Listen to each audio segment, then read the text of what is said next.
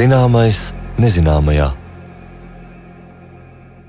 Esiet sveicināti! Skan raidījums zināmais nezināmajā, to producēja Paula Gulbīnska, un turpmāko stundu ar jums kopā Mariona Baltkalne.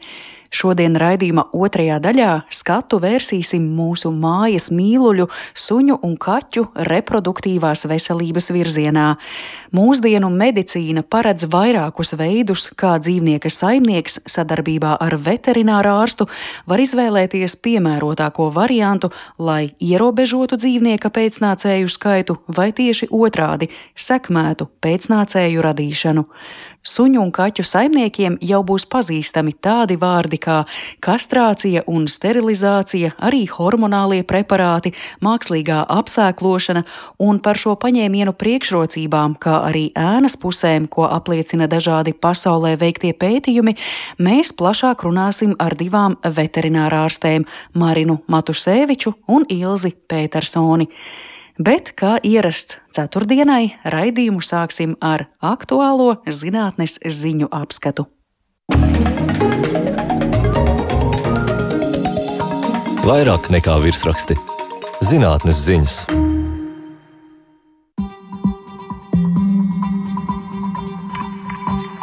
Mēs eh, raidījumā zināmais nezināmajā esam ļoti iecienījuši sarunas eh, ar astronomijas entuziastiem par dažādām misijām un eh, citiem kosmosa jaunumiem.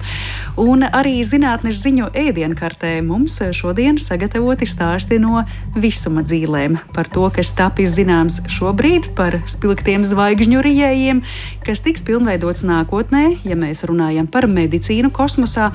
Un šķiet, ka mēs noskaidrosim arī to, ka zinātnieku gaidas reizēm var izrādīties veltīgas, ja viņi uzzina patiesību par kādiem arheoloģiskiem izrakumiem. Par šo ēdienkārti ir parūpējusies mana kolēģe Paula Guldīnska. Sveika, Paula! Labrīt, klausītāji, labrīt, Mariona. Jā, šīs nedēļas populārā zinātnes portālos daudz jaunumu.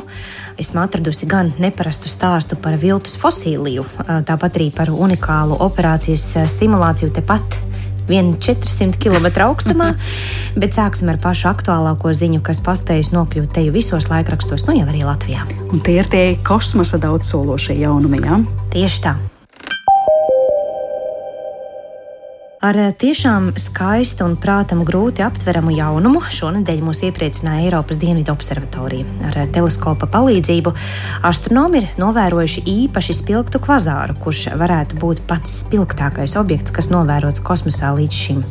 Kvazāri ir galaktiku centri, tie parasti izstaro lielu gaismas daudzumu ir pieņemts domāt, ka to vidū atrodas supermasīvie melnie caurumi. Šīs Eiropas dienvidu observatorijā novērotais kvazārs ir tik iespaidīgs un arī izsalcis, ka tas katru dienu apēda vienu saulē izmēros līdzīgu zvaigzni, kļūstot par visātrāk augošo melno caurumu, kas cilvēcei ir zināms. Nezinātniski izsakoties, tie sevi iesūc visu, kas nonāk to tūmā, ap tiem veidojas gāzu virpuļi, kas izstaro gaismu. Tā ir tik spilgta, ka mēs to varam saskatīt ar teleskopu teleskopiem uz mūsu planētas. Šis izsalkušais melnais caurums atrodas ļoti tālu, bija nepieciešami 12 miljardi gadu, lai tā gaisma sasniegtu mūsu. Milža masa ir aptuveni 17 miljardi saules masu. Tās posma ir 500 triljonu reižu spilgtāka par mūsu sauli. Nu, grūti aptverama lielumi. Tik tiešām, kā jau tas astronomijā mēdz būt, ka gan skaitļi, gan izmēri ir tiešām cilvēka prātam grūti saprotami. Bet nu, loģiski var rasties jautājums, kāpēc kaut kas tik spilgts un iespaidīgs eh, netika pamanīts iepriekš. Pirmie novērojumi ar šo kvazāru fiksēti jau 80. gados, taču tobrīd eh, pētnieki neatpazina to kā kvazāru. Domāju, ka tā ir zvaigzne, kas atrodas nepārāk tālu no Zemes un tā teikt ar acīm burtiski pagāja tam garām. Tagad ir zināms, ka tas eh, patiesībā ir ļoti tāls objekts. Un visticamāk, tas ir pieņēmies spēkā un apjomos vēl krietni pirms cilvēce sāka apdzīvot planētu Zemi. Tā kā par šo tiešām skaisto tālo kvazāru noteikti vēl dzirdēsim daudz, par to var lasīt vietnē eso.org, kā arī nu jau viscaur internetā. Man ļoti patika tevis teiktais, ka kvazārs ir izsalcis un apēda zvaigznes, un savulaik Ojāram Vācietim bija tāds dzējolis mēnesim rops, un eh, mēnesī šo robu ar milzīgu līku zobu izkoda šlopster klopsters, un tad šlopster klopsters apēda visu mēnesi, kļuva tumšs kā akā, un pasaules puikas apsprieda, ko lai dara. Un tad pats mazākais zēns saņēma dušu, devās atprasīt mēnesi, un briesmīgais šlopster klopsters, izbrīnīts par zēna drosmi, apaļu mēnesi iekāra atpakaļ debesīs. Nu, par šādu stāstu tātad parūpējies tautā iemīļotais dzēnieks, bet eh, kāpēc es to pieminu? Šāds kvazārs tātad arī izklausās pēc tāda rijēja, un es domāju, vai zvaigznēm nepiemīt kāda pretestība, vai arī tas kvazārs ir tā tāds putekļu sūcējs, kam zvaigznes nespēja pretoties.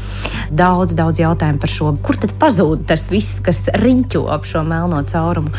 Un, e, nu, tur teorijas ir dažādas. Gan par to, ka tas tiek saspiests, aplicināts līdz sīk, sīkam punktiņām, un nu, brīnumaini, kur visa šī matērija, kas mums ir apkārt, tik ātri var pazust un tādā, tādā milzīgā apjomā. Jā, varētu pielavīties bailes, ka mums drīz pazudīs zvaigznes, jo tās visas būs aprītas. Bet laimīgā kārtā zvaigžņu dzīve ir eh, gana gara un rodas jaunas, un vecās nomirst, un tā process ir nebeidzams. Jā, bet mums, Paula, ir vēl kādi kosmosa jaunumi, vai ne? Jā, un tie noteikti mums ir daudz tuvāki gan mūsu izpratnē, gan arī tīri nu, tādā tūma ziņā. Startautiskajā kosmosa stacijā arī priecīgs notikums ar maza robota palīdzību. Stacijā veiksmīgi aizvadīta pirmā simulētā operācija bezsvara stāvoklī. Robots, kuru dēvē par Space Mira, veica vairākas simulētas operācijas mākslīgos audos, kamēr to 400 km attālumā no Nebraskas vadīja ķirurgi. Mazais robots svēra nepilnu kilogramu, Tas ir ļoti svarīgi, ņemot vērā, ka uh, izplatījumā visai kravai ir jābūt maksimāli vieglai un kompaktai. Ierīcē ir iestrādātas tādas kā divas rokas, kas atdarina cilvēku roku kustību. Tātad kreisā satver, labā roka griež. Uh, robots veica kopā sešas procedūras ar mākslīgu audu paraugu. Visas bija veiksmīgas. Lielākais izaicinājums šādam robotam ir instrukciju kavēšanās, jo ķirurga norādes no zemes līdz robotam nonāk ar nepilnas sekundes aizturi. Nu, varētu šķist, kas gan tur liels, nepilna sekunde, bet uh, ķirurģijā tam ir nozīme. Iztēlojamies cilvēku, kurš ļoti strauji nosiņo. Tā kā ar šo problēmu izstrādātājiem būs vēl jātiek galā un jāpasvīst, bet šobrīd var teikt, ka jā, 20 gadu ilgais darbs ierīces izstrādē ir atmaksājies. Nu, kopumā var teikt, ka telemedicīna un šādi veikli aparāti būs ļoti svarīgi visās nākotnes misijās uz mēnesi un Marsu, jo skaidrs, ka tur astronomiem pašiem būs jātiek galā ar dažādām likstām, kas var skart cilvēku, bet arī uz Zemes. Tepat ļoti attālos reģionos, kur nav pieejama uh, medicīna, kur cilvēki nevar ātri nonākt slimnīcā, arī šāda telemedicīna var būt ļoti palīdzoša. Par to var vairāk lasīt CNN.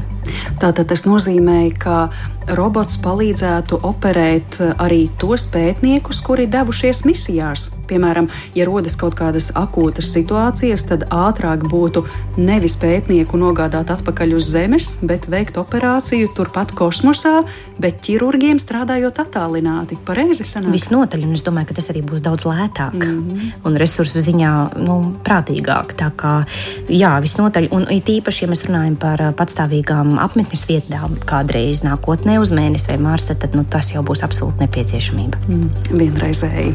Jā. Nu jā, tad atgriežamies tepat uz mūsu planētas. Un, kā jau iepriekš runāju par kvazāru, kuram pētnieki pagāja garām vairākas desmitgades līdz pamanīja tā patieso dabu, nu tad dažkārt mēs pājam garām arī objektiem, kurus līdz šim mēs esam uzskatījuši par labi zināmiem. Tepat mūsu planētas dzīvēs glabājas nemazums liecība par aizvēsturi. Tostarp iespaidīga fosilija Tridentinosaurus antiquus. Tā tika atklāta 1931. gadā Itālijas Alpos, un jau tolaik bija skaidrs, ka šis ir ārkārtīgi vērtīgs atradums evolūcijas izpētē. Tā ķermenis izcēlās ar izteikti tumšāku nokrāsu uz apkārt esošu akmeņu krāsu fona, un šo tumšo krāsu interpretēja kā saglabājušos mīkstos audus. Tas, protams, ir ārkārtīgi rets atklājums. Ja mēs zinām, ko paleontologi daudzkārt mums ir stāstījuši raidījumos, ka mīkstie audi saglabājas ļoti reti. Tas ļāva paleontologiem domāt, ka šis atradums pieder protorazaurija reptiļu ģintī un ir ap 280 miljonus gadu sena dzīvnieka atliekas. Tātad viņi tomēr ticēja, ka ir mīksti audi. Ja? Visnotaļ. Bet jauns pētījums apstrīd šo faktu, norādot, ka fosilijas neticami labi saglabājušies audi patiesībā ir melna krāsa, kas uzkrāsot uz ķirzakas formai līdzīga akmens. Pētnieki ir brīnījušies un lauzījuši galvu par to, nu, kā tad šis reptīlis radies, kurai kompānijai tas ir piederīgs. No atraduma izcilums ir slavēts grāmatās un rakstos, bet nekad tā neviens nav palūkojies tūplānā. Nu, kad nu beidzot ar mikroskopu palīdzību audi aplūkoti tuvāk, atklājies, ka tie nemaz nav mīksti audi, bet gan specifisks pārklājošs materiāls, kuru to laiku itin bieži izmantoja mm, šādos izrakumos paleontoloģijā. Nu, pētnieki cerēja, ka audi ir īsti, jo tas būtu tiešām bijis uh, svarīgs uh, atklājums, tas nestu informāciju par šī senā dzīvnieka anatomiju un fizioloģiju. Nu, tā vietā fosilija tika mākslīgi papildināta, lai izceltu tās izskatu. Nu, ne viss ir meli. Fosilijā tiešām ir atrasti mazi kaulu fragmenti, kas visticamāk bija krokodīlam līdzīgā dzīvnieka mugurkauls, taču viss pārējais ir radīts mākslīgi. Nu, tas, protams, liek uzdot jautājumus par to, cik akurāti un atbildīgi pieejam šādām lietām, cik uh, atbildīgi un godīgi um, saglabājam šādus pagātnes vēstījumus. Arī pašiem zinātniekiem ir svarīgi neiekrist kārdinājumā un nesajūsmināties par ko tādu, kas septiņreiz nav nomērīts. Par to vairāk Live Science, kur var aplūkot arī attēlu ar šo atradumu. Mm. Ne viss ir zelts, kas spīd, un man šķiet, ka zinātniekiem ne tas vieglākais brīdis varētu būt tas, kad jāatzīst, vispār mēs kļūdījāmies. Lai gan kļūda zinātnē nav nekas neparasts, un atcerēsimies kādu citu situāciju 2020. gadā. Mēs par to stāstījām arī zināmais nezināmajā, proti par gāzveida vielu fosfīnu uz Venēras. Pēc tam izrādījās, ka atklājums ir bijis kļūdains, tad atkal izskanēja, ka kaut kas jau tomēr atrasts ir. Bet, ja no zinātnes pie mākslas, tad tieši tāpat ir dzirdēts ka varbūt arī visi mākslas šedevri, ko mēs aplūkojam muzejos un galerijās, ka ne visi ir īstie oriģināli. Varbūt tā ir replika un īstais oriģināls glabājas kaut kur citur. Kas to lai zina, bet eh, tas, lai jums nekādi neatņem vilinājumu doties un baudīt mākslu, un lai pārsteigums par ķirzaku akmeni, es to nosaukšu tā, neatņem entuziasmu zinātniekiem. Nu, savā ziņā tas ķirzaku akmens ir tāds interesants zinātnes un mākslas apvienojums. Jā, nu, vienīgais, eh, diemžēl, tas ir ilgstoši interpretēts kā tikai zinātnes atklājums. Jā. Paldies, tev, Paula, un par to, kas zinātnē un veterināru medicīnas praktiķiem sakāms par suņu un kaķu reproduktīvo veselību, un ko pētījumi pierāda par kastrācijas un sterilizācijas atstātajām sekām uz dzīvnieku veselību. To mēs pārunāsim raidījuma turpinājumā pēc brīža, bet mazliet atvilksim elpu ar kaut ko no tās mākslas pasaules. Zināmais nezināmajā.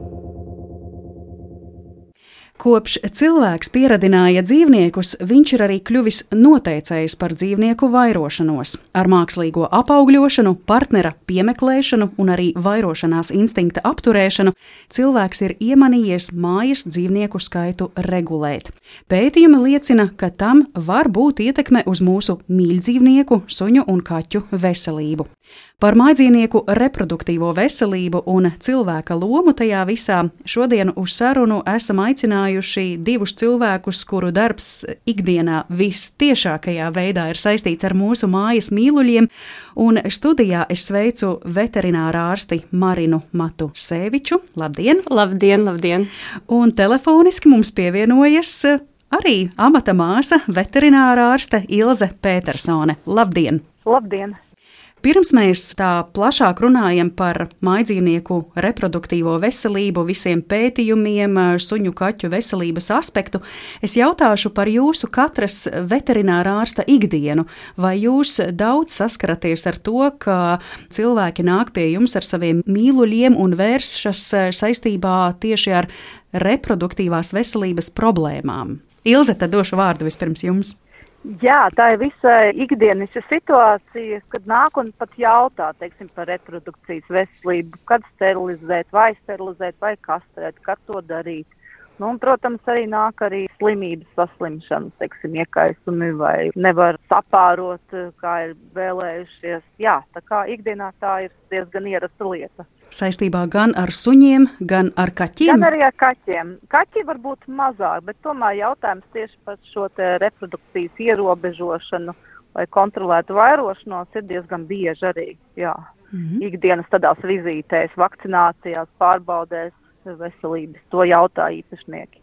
Mm -hmm. Marina, kāda ir jūsu darba ikdiena? Principā mana ikdiena tāda, jā, tad pamata lietas, ar ko es nodarbojos klinika, ir reproduktīvas konsultācijas suņiem, kaķiem, un es taisu vedra dobama ultrasonografiskus izmeklējumus, jā, tad principā tas ir galvenie aspekti mana darbā. Un, protams, cilvēki interesējas, cilvēki nāk speciāli pat uz konsultācijām, kur mēs varam to izrunāt, bet vēl mūsu klinika ir tā, ka, piemēram, ja cilvēki plāno grib sterilizēt, kastrēt, ārstēt, viņi pierakstas vispirms pie doktora, pie ķirurga vai pie terapeita. Un mēs cenšamies visus tos aspektus izrunāt, ja, kādi labumi, mm -hmm. ko darīt. Ja, un tad cilvēks jau pieņem lēmumu, vai viņš to grib, vai viņš tomēr uh, negrib. Marina, mēs pirms šīs sarunas sākām arī jau runāt par suņiem un kaķiem, un es izteicos, ka ir dzirdēts, ka suņu un kaķu ģenētika ir ļoti atšķirīga, un jūs teicāt, nu, protams, nu tie taču ir atšķirīgi dzīvnieki, tāpēc es tad gribētu šobrīd sarunas laikā to mazliet arī attīstīt, protams, vēršoties pie jums abām, ko mēs vispār zinām par suņu, kaķu reproduktīvo veselību un tās lomu kopējā dzīvnieka organismā organismā. Nu, piemēram, kad eh, dzīvniekam iestājas eh, dzimumbriedums un kā tas izpaužas, kādas problēmas var būt principā divas atšķirīgas sugas, jā, tā kā divi atšķirīgi paterni vispār um, kā reprodukcija. Kaķi, viņi ir policikliskie dzīvnieki, un, kas sakas sezona, kaķenes tur saka, mums dzieda dziesmiņas no februāra beigām līdz novembrim. Suņiem tā nav. Suns ir monociklisks dzīvnieks, tas nozīmē, ka viņam ir viena meklēšanas, kurā notiek reiz tur pusgada, ir šķirnes kam reiz gadā. Jā, tur ir liela atšķirība gan hormonāli, gan uzvedība. Jā, kaķu saimnieki viņi tur nabagi mokas ar to raudošu dzīvnieku visu pavasari, vasaru. Jā, tad uh, suņiem tomēr nu, nav tik bieži šī problēma. Tā partnera meklēšana, jā? Nu, meklēšanas, nu, tur uzvedība, tur izdalījumie kucīte mēs varam pamanīt. Kaķenes viņas ir tādas tīrākas, viņi mazgājas, mēs to nevaram pamanīt. Mēs pamanīsim uzvedību, jā, jo tā uzvedība var nu, tiešām ļoti ietekmēt gan kaķu normālu psiholoģisku stāvokli, gan saimnieku. Jā, jo kaķi ļoti, ļoti skaļi, ja viņi tiešām meklē savu partneri. Mm -hmm. Skaidrs, tad viena lieta, kas mums jau ir jāņem vērā, ir šis meklēšanās reižu skaits. Ilze, vēršoties pie jums, varbūt vēl kādi citi aspekti, piemēram, par dzimumu, brieduma laiku, par mazuļu skaitu, ko suns vai kaķis spēja radīt. Jā, nu, dzimuma briedums noteikti, ja mēs runājam par suņiem, to ietekmē arī šķirne un šķirnes izmērs. Mazie sunīši nobriest ātrāk un arī reproduktīvi ir gatavāki jau agrāk bieži vien nekā lielie, bet tas ir individuāli. Runājot par kaķiem, bieži vien jā, mēs šo meklēšanos redzam jau pavisam jauniem kaķiem, kas nozīmē zemgadu vecuma. Un arī kādreiz tieši runcīšu īpašnieki sūdzās par to, ka nu, tas jaunais uncīts septiņu mēnešu vecumā jau kaut kur sāk iezīmēt, kas ir visai nepatīkami. Ja dzīvnieks iezīmē telpu smird un ir netīrs. Un, jā, tā kā par šo metienu daudzumu tas arī ir diezgan individuāli. Kaķiem ir daudz, ja? kaķiem parasti metieni ir diezgan lieli, varbūt 80 kaķēni. Suņiem arī ir dažādi grūti teikt par tādu vidējo, bet mēs bieži redzam, teiksim, 6, 8 kucēnus vienā metienā. Bet arī tur tas būs atkarīgs no šķirnes īpatnībām. Protams, arī no kuces vecuma. Arī. Nu, lūk, šādi, jā, ko es vēl gribu piebilst, arī, ka, manuprāt, ka kucītas saimniekiem, ja ir viena kucīta mājās, ir vienkāršāk nekā varbūt dažkārt, ja ir suns nekastrēts, kur dzīvo apkārt kucas, kas meklējās. Tad kādreiz iestājās tāds posms, ka suns ir ļoti nemierīgs, jo apkārt varbūt ir dzīvo kaut kur ārpilsētā, kaut kur ciematā, kur ir daudz šīs kucītes, kas meklējās, tas suns to sauž. Viņš var sauzt kuci vairāk kilometru attālumā. Un tad tam Suņa saimniekam ir problēmas ar suņu uzvedību, ar vēlmi skriet prom, bēgt, meklēt to kuci. Tad tas būtu no manas puses, ko es varu mm. piebilst par šīm problēmām vai nērtībām par nekastrētiem dzīvniekiem. Tas, ar ko turpināsim, kas pilnīgi noteikti sasaucas ar reproduktīvo veselību, tā ir pēcnācēju kontrole. Un te tad eh, arī gribētu lūgt paraksturot, eh, kas tad ir tie labākie veidi un biežākie veidi, kā mēs mājdzīvnieku vairošanos medicīniski varam kontrolēt. Gan no vienas puses, lai stimulētu, ka suņiem vai kaķiem pēcnācēji ir, gan no otras puses, ka šie pēcnācēji nav. Nu, mēs esam dzirdējuši daudzus un dažādus eh, jēdzienus - kastrācija, sterilizācija, kontracepcija, mākslīgā apaugļošana varbūt arī. Vai tas viss ir attiecināms uz suņiem un kaķiem?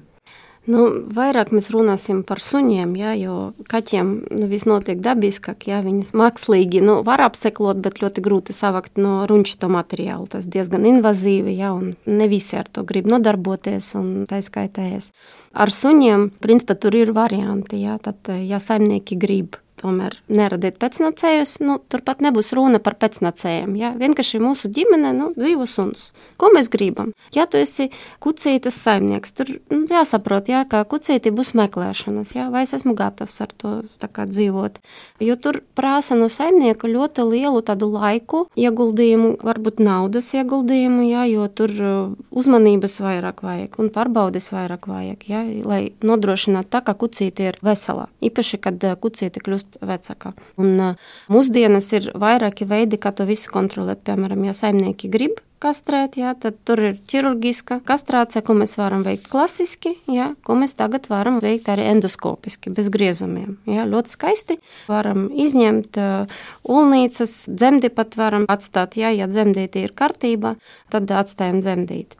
Kaķiem parasti principā, viss notiek klasiski, caur mazu griezumiņu. Mēs izņemam olnīcas, izņemam dzemdi, ja vajag, vai atkal varam atstāt tādā veidā. Mm -hmm. Šķiet, bieži vien arī šie jēdzieni tiek jaukti un reizēm pat domā, ka sterilizācija un kastrācija, ka tā ir viena un tā pati manipulācija, un ka, piemēram, tikai sterilizē sieviešu dzimuma dzīvniekus, bet kastrē tikai vīriešu dzimuma dzīvniekus. Nu, te laikam īsti patiesības nav. Ja? Kā nav, tad īsti nav. ir? Vienkārši tā vēsturiski sanāca, jā, bet kastrācija īstenībā vai gonodektomija, tas ir, kad mēs izņemam dzimumu dziedzerus, ja, seklnieki puišiem, ulnīcas meitenēm. Ja mēs ņemam ulnīcas un dzemdi, mēs saucam par ovāriju histerektomiju, ja, tad histeri ir dzemde, ovāriju ir ulnīcas. Un, principā, ja tikai mēs izņēmam dzimumu dziedzeres, ja, tad tā ir kastrācija. Mm. Vienalga, tā ir sieviešu kartas dzīvnieks vai vīriešu kartas, tā ir īstenībā kastrācija. Sterilizācija tā ir padarīšana dzīvnieku sterīlu, nav spējīgu rādīt pēcnacējus. Un tur arī daudz paņēmienu, ja, tā kā klasiski tā ir sterilizācija. Bet, protams, nu, tā ikdiena mēs visu saucam par sterilizāciju, kastrāciju, nu, tas jau tā kā iegāja mūsu valodā. Ja. Bet tādā ikdienas praksē, tad kā izvēlēties, ko labāk? Tas ir tāds grūti pieņemams lēmums, kas tam dzīvniekam nāks par labu kastrēt vai sterilizēt. Jā, jūs domājat, ka mēs atstājam dzimumu dziedzerus, nav spējīgi rādīt pēcnācējs, bet viņš ar hormonālu statusu pilnvērtīgs. Ja? Nu, godīgi teikšu, tā, tādas lietas ļoti maz kas praktizē. Ja? Es dažas tikai reizes redzēju, piemēram, pasi ieraksts, ja, tā kā tur ulvādu liģēšana. Ja? Parasti ķirurgi viņi ņem ulnīcas, ja, vai ņem dzemdi, ja vajag. Tāda veida viss notiek. Tad īstenībā tā ir kastrācija, kaut mēs saucam viņu savādāk pišķi. Nu jā, jo tas, par ko es domāju, ja paliek hormoni organismā, tad tas tomēr varētu novest pie tā, un arī par to ir lasīts, ka tad ir blaknes, ka tāpat kucītēm būs meklēšanās laiks, un arī suņu puikām būs interese par pretējo dzimumu, bet viņi vairs nevarēs radīt pēcnācējus, un tā tad varbūt dzīvnieka veselībai tas īsti labi nav. Ilze, došu vārdu jums, vai jūs piekrītat šādam apgalvojumam? Jā, par šo situāciju, kad dzīvnieks padarīts ir neauglīgs ar kādu metodi, bet viņam ir saglabāti hormoni. Jā, tā tad mēs mm -hmm. praktizējam kucītēm šādu metodi, kad atstāj tieši otrādi, kā mēs redzam, atstāj tieši olīti, bet izņem dzemdi. Ja? Tad tas nozīmē, ka viņa nevarēs radīt pēcnācējus, bet paliek hormonāla aktivitāte. Jautājums, kāpēc to darīt?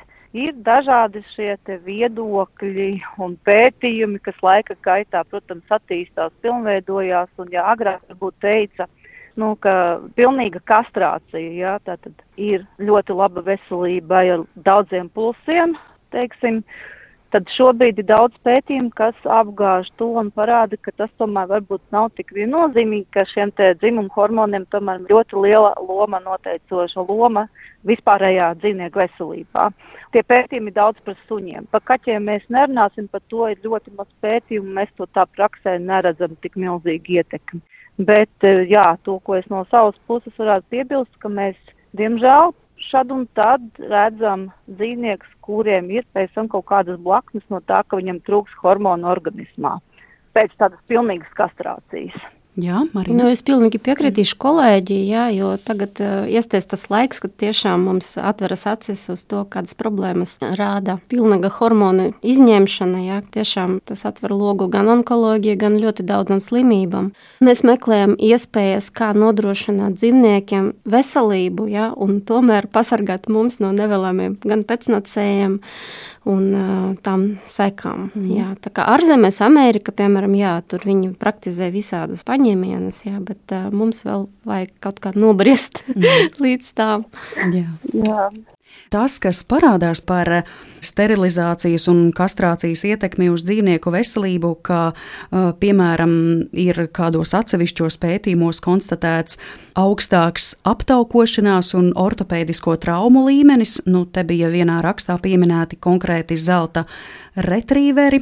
Citos gadījumos ir minēts arī citos pētījumos par paaugstinātu noslieci uz vēža veidiem, locītavu slimībām, urīna nesaturēšanu, un Amerikas Veterināra medicīnas asociācija līdz ar to savā rokas grāmatā ir norādījusi, nu, ir skaidrs, ka nav neviena ieteikuma, kas būtu piemērots visiem suņiem. Ar to ir domātas visas suņu šķirnes. Cik daudz jūs esat saskārušās, teiksim, ar kādu pētījumos jau balstītu literatūru par konkrētām ietekmēm uz dzīvnieku veselību ar sterilizācijas, kastrācijas starpniecību? Nu, ļoti daudz rakstu, un braucot, piemēram, uz to FSR konferenci, tas ir principā starptautiskā mazu dzīvnieku reproduktologu konference. Ļoti daudz prezentāciju tieši tikai stāsta par to, cik daudz problēmas, ja viņi savāc ļoti daudz statistisku datu, no tur jau tūkstošiem un tūkstošiem dzīvnieku, jā, un viņi parāda, ka ļoti, ļoti daudz problēmu, gan tādas, gan tādas. Ja, ir atsevišķi pētījumi, kas var sagrupēt tur atsevišķas šķirnes. Ja. Agrīnas pētījumus, jā, tur, piemēram, ir retrieveru grupa vai vižla grupa, ja, un viņi tur pēta. Ja, bet tiešām datu ļoti daudz, un mēs varam jau kaut ko secināt. Un, piemēram, Mišela Kucler, arī ļoti daudz viņa pētījumus viņa laboratorijā, viņa runā par konkrētiem hormoniem, ko viņi saka pētīt, to pašu luteinizējušu hormonu. Viņi pēta viņu un izskaidro lielākas problēmas, ja, ko mēs varam redzēt pēc kastrācijas. Ja. Viņi atrod uh, to hormonu receptorus nu, ļoti, ļoti milzīga daudzumā. Tie receptori visu ķermeņi ir gan smadzenēs, gan gremošanas trakta, gan ādā, matos, ūrinpūslī, zarnas, visur. Ja, un sākas ķermeņa transformācija. Mm. Un tad mēs jau varam saprast to lietas būtību. Un tas ir tikai viens hormons, ko mēs sākam pētīt. Bet tur, protams, vēl ir kaut kas cits, jā, un tur daudz ko var uh, uzzināt. Vēl, mm. Es domāju, ar laiku mēs uzzināsim vairāk, ko mēs darām. Ilze, no jūsu lasītās literatūras arī ar ko esat saskārusies par šīm blaknēm uz dzīvnieku veselību? Jā, jā es piekrītu kolēģiem Rinai par šiem pētījumiem par lutinizējušo hormonu. Tas ir ļoti interesants šobrīd tā tēma, un ko mēs redzam, jā, ka šie receptori atbild par tik daudz ko, un teiksim, jā, šī pilnīgā kastrācija līdz ar to veicina jau mums tādas ļoti daudz zināmas slimības, kā limfomas, kā hemangiosarkomas, un daudz ko citu. Šo pētījumu tiešām ir nu, milzums. Tagad uh, var iedalīt noteikti dažādās grupās, kādas tās slimības aptaukošanās.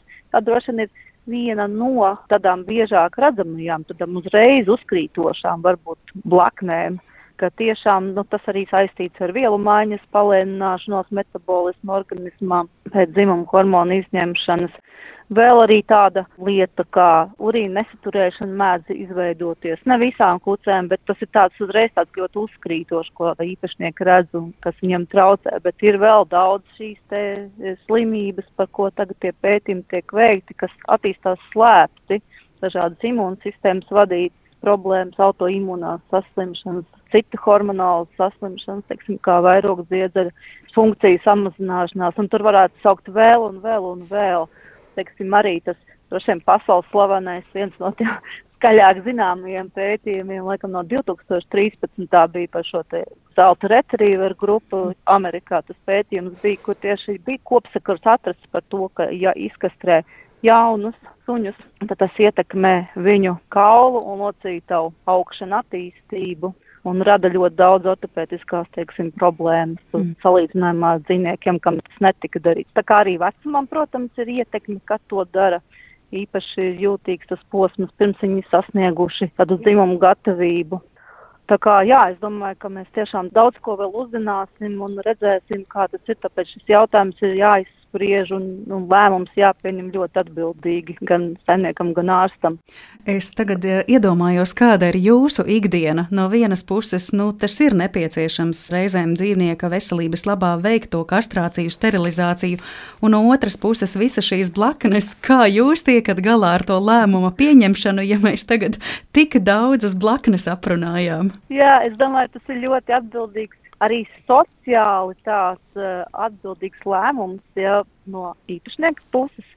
Ja īpašniekam, saimniekam ir suns, kucīte vai puika, viņam ir jāizprot visas šīs sociālās atbildības lietas, ja, tad, tad, lai suns neskriet prom no mājas, nekontrolētu, neklēņotu. Tas ir viens. Otrs, viņam jāapzinās šie veselības aspekti. Un tur nu, mēs esam kā ārsts, tie, kas palīdz. Ja, lēmums, protams, būs jāpieņem saimniekam. Mēs varam ieteikt tikai to labāko. Tas atkal būs tāds ļoti individuāls lēmums. Es nevaru dot ieteikumu tagad 20 suņiem visiem viņus mm. kastrēt vai nekastrēt. Nē, noteikti nē. Protams, ka es centīšos ieteikt to labāko un tomēr teiksim, to kastrāciju atlikt vai novilcināt, bet izvērtējot dažādus faktorus. Ja teiksim, tas cilvēks nav spējīgs tikt galā, un būt atbildīgs par sunu un arī skatīties, vai tiešām viņam neveidojas pēc tam iekaisumi, jā, kā Marina jau minēja, vecākām kucītēm. Tad varbūt tā kastrācija ir tomēr labākais uh, tāds risinājums, ja nevar tas cilvēks tik ļoti parūpēties par suni. Jo, teiksim, pieaug iespējas, ka vecākām kucītēm palielinās risks kaut vai tas, ka zemes iekaisums var sākties, un ja tas tiek ielaists, tad tā jau ir ļoti pat dzīvībai bīstama situācija dažkārt. Nu, lūk, jā, bet nu, es cenšos ieteikt to, lai pēc iespējas saglabātu to dzīvnieku reproduktīvo veselību, mm -hmm. ja mhm. saimnieki tam gatavi. Citādāk ar kaķenēm un kaķiem un runčiem tomēr varbūt tos implantus var ievadīt, bet nu, kaķenēm tomēr tā sterilizācija laikam pagaidām ir tas risinājums, jo ir arī grūti sadzīvot ar kaķeni, kas meklējās ilgstoši. jā, arī saimnieki par to sūdzās. jā, jā, jā, Marina, jums pie šī vēl droši vien kāds komentārs. Nu, protams, tas ir ļoti, ļoti individuāli, jā, un bieži mēs cilvēkam, nu, vat, sastopas ar situācijām, jā, tad jau pēc sterilizācijas, pēc kastrācijas nāk dzīvnieki, jā, un kaut kādas problēmas rodas.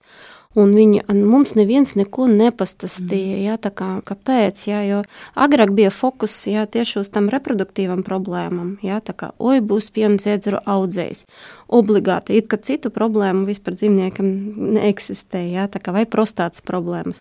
Principā te piendziedz raudzēji, tas nav tik nerisināma un tik bieža problēma. Jā, šīs lietas viegli risināt. Limfomu grūti risināt, mm vai mhm. kaut kādas audzējas grūti risināt. Un jā, mēs arī cenšamies visi, visi faktori cilvēkiem, nu, varbūt nepiegriežot viņam smadzenes, tā, nu, vienkārši paskaidrot, jā, ka tas nav ļoti labā opcija, jā, tad viņi nerisinās visas problēmas, jā, tad jābūt gataviem tad risināt citas problēmas. Mm. Un ja cilvēki, nu tā, viņi skats, jā, es esmu gatavs, jā, man vienalga, es negribu vienkārši, lai man tur būtu kucēja meklēšanas, viņi tur pilina uz grīdas un tā. Nu, tas ir viņu lēmums. Mēs tur neko nevaram izdarīt. Bet cilvēks ir informēts. Jā, jā. Kā, man liekas, ļoti, ļoti svarīgi jā, mums pašiem būt informētiem, doktoriem, un sniegt informāciju īpašniekiem. Mm. Mēs līdz šim daudz runājām par ēnas pusēm šīm operācijām, medicīniskajām, bet varbūt reizēm ir arī tieši pretēji, ka dzīvnieka dzīvildze palielinās, ja tam veids kastrāciju, sterilizāciju. Tā varētu būt. Mm, grūti pateikt, jā, tā kā uzskats tāds, ka dzīvnieki sterilizēti, viņi mirst no onkoloģijas, nesterilizēti mirst no pieometram un pienziedz raudzēm. Tas ļoti rūpīgi, protams, jā, bet, nu, grūti pateikt, tur jāskatās kādus apstākļos, jā, kā vai kādi saimnieki tam dzīvniekam, kā viņš dzīvo, kā viņš tur dzemde non-stopa var būt, jā, viņš taču nesterilizēts, jā, tā kā, nu. Mm. Ilze, jums pie šī arī, kas komentēs? Jā, piebildīšu Marinē, ka šis tiešām tāds jautājums par to dzīvildu diezgan grūti atbildams. Ir pētījumi, agrāk bija pētījumi daudz, kas uh, parādīja vai mēģināja apstiprināt to, ka pēc kastrācijas paildzinās šī dzīvības, bet šobrīd ir jau arī pētījumi, kas rāda pretējo.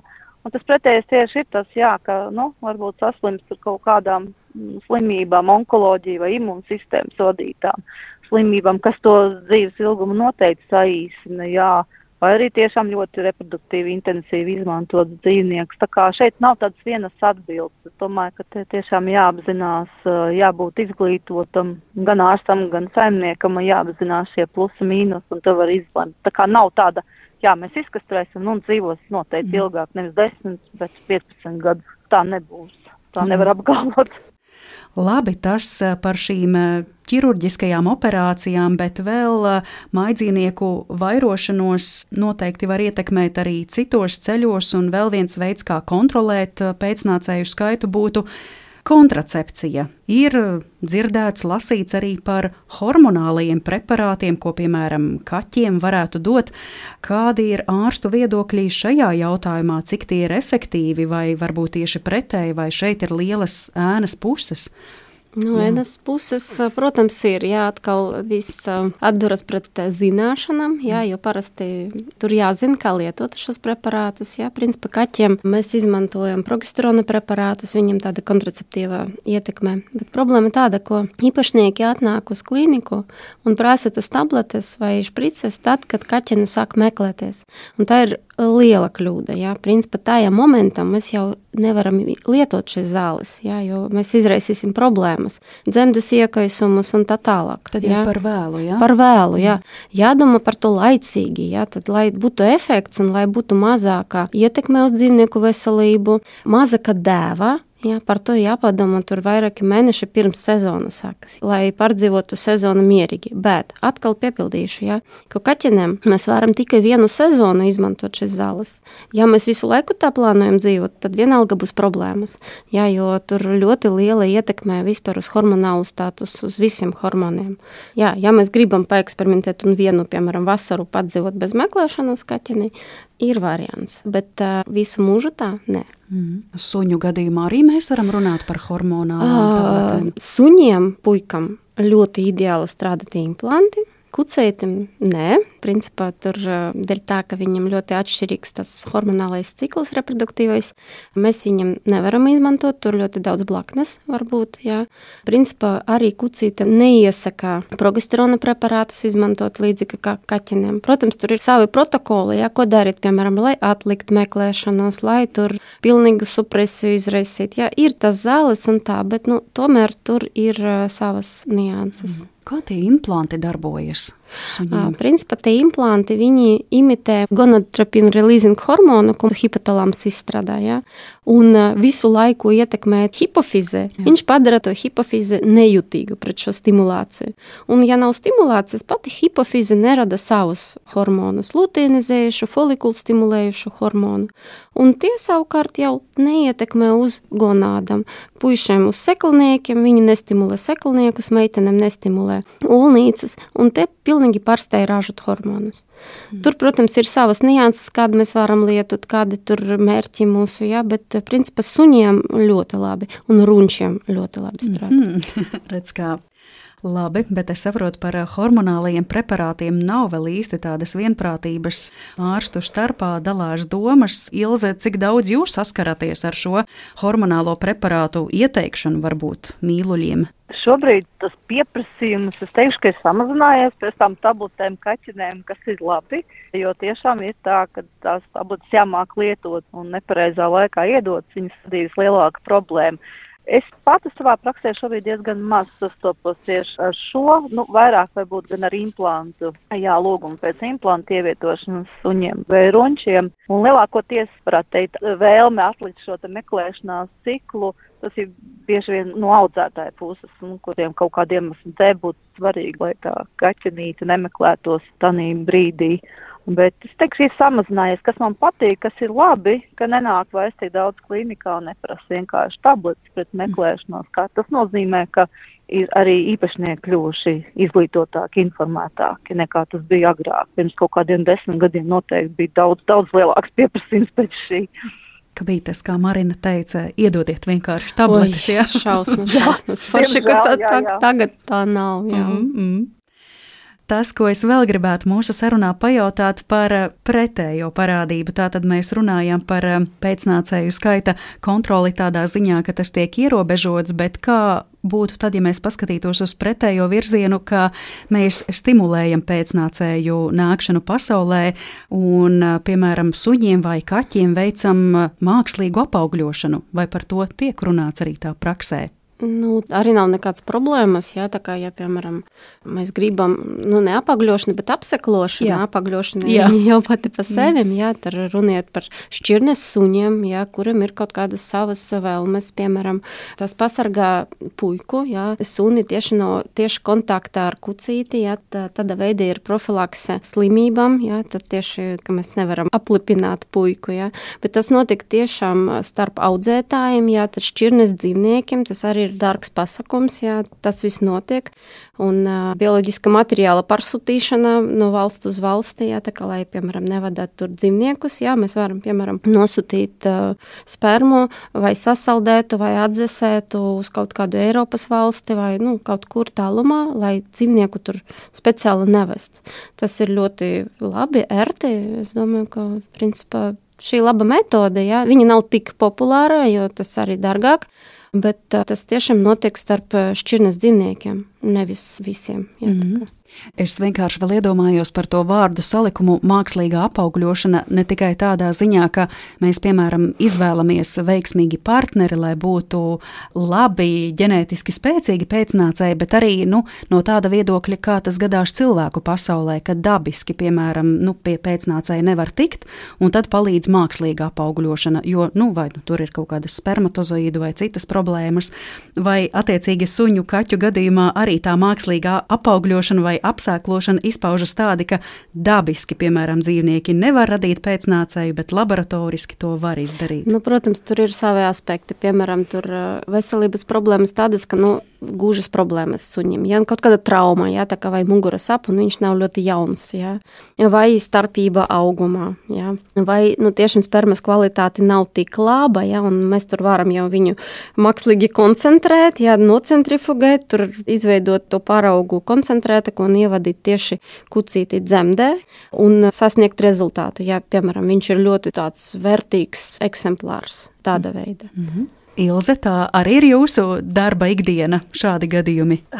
Jā, es varu piebilst, ka es pati to nenodarbojos, gan, bet tā kā es pati arī esmu audzētāja, man arī ir šķirnes suņi, tad man tas ir ļoti labi zināms. Ne pašai gan ar saviem suņiem, bet es eh, šo metodi saprotu tā, ka tā ir tiešām kā viena no izējām, ja mēs meklējam un gribam attīstīt tiksim, jā, kādu ļoti labu šķirnes eksterjeru un veselu dzīvnieku iegūt, jā, tad mēs to izmantojam. Tas, protams, ir ērti jā, arī, ka nav jāceļo ar suni no valsts uz valsts, bet otrs aspekts atkal ir mīnus aspekts, to, ko redz. Teiksim, ir valstis, kurās vispār vairs dzīvnieku nu, dabiskā pārošanās bieži vien nenotiek šos šķirnes, jo izmanto, viņiem ir ļoti populāras reproduktīvās klīnikas, kurās nu, viss šīs process tiek veikts mākslīgi, jā, apaugļojot. Tas mīnus ir tas, ka dažkārt, nu, kā lai pasaka, daba ir diezgan gudra. Ja? Teiksim, ir dzīvnieki, kur izvēlēt divi izcili eksemplāri šķirnes, bet viņiem neizdodas sapāroties. Nu, tur varbūt arī ir kaut kāds iemesls, kāpēc tas tā ir. Un jautājums, cik tālu ar šo metodi iejaucamies, vai mēs vienmēr darām labu, runājot par šiem pēcnācējiem, ko mēs gribētu sagaidīt kā veselu, spēcīgu dzīvnieks. Tas, protams, ir koks ar diviem galiem. Tie plusi ir daudz, bet arī jāpaturprātā arī mīnusiņš šai metodei. Mm. Es no savas puses atbalstu tādu pēc iespējas dabiskāku arī šo reprodukciju, arī šķirnes dzīvnieku starpā.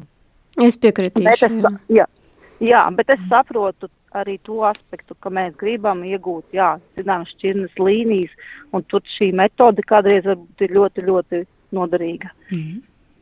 Noslēdzot mūsu sarunu, es jums abām, jā, kā praktizējošiem veterināru ārstiem, gribētu jautāt, nu, kas ir tas labākais ieteikums, ko jūs varat dot suņu, kaķu saimniekiem, ka tagad mūsu īpašumā ir nonācis mīļdzīvnieks, kā tad vislabāk sekot līdzi tam, kas ar šo dzīvnieku notiek, vai kaut kā vajag uzlabot reproduktīvo veselību, varbūt ir kaut kāds atskaites punkts, cik bieži to zvēriņu atvest, atrādīt pie ārsta.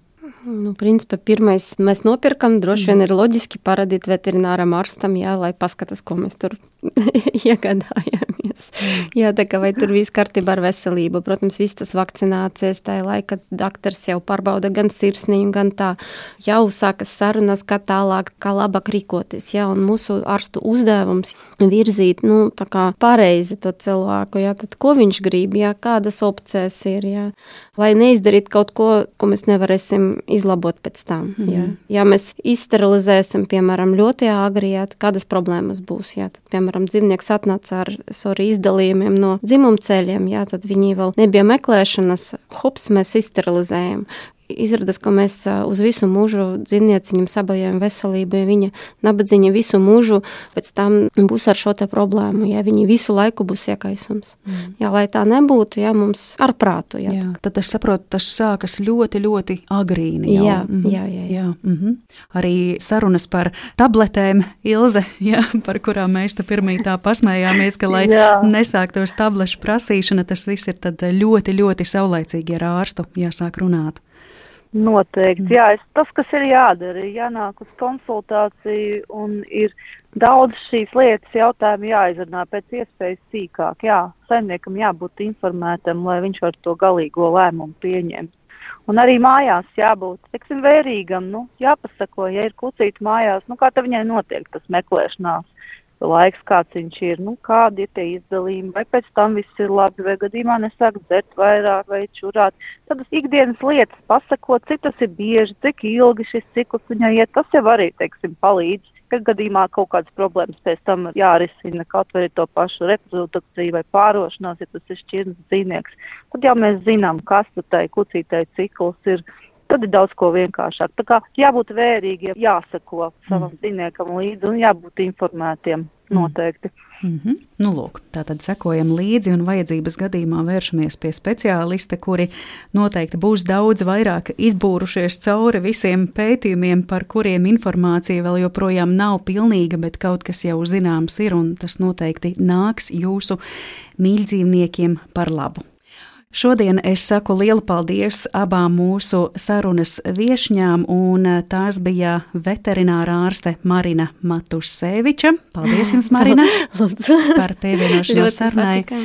Un paldies arī jums, Ilze, telefoniski tātad ar mums kopā bija veterinārā ārste Ilze Petersone. Paldies! Paldies arī jums, klausītāji! Mūsu raidījums līdz ar to arī šodien izskan, un par tā veidošanu parūpējās Paula Gulbīnska, Kārlis Rašmanis, Girts Bišs, pie mikrofona bija Mariona Baltkalne. Paldies un uz sadzirdēšanos jau pavisam drīz. Visu labu!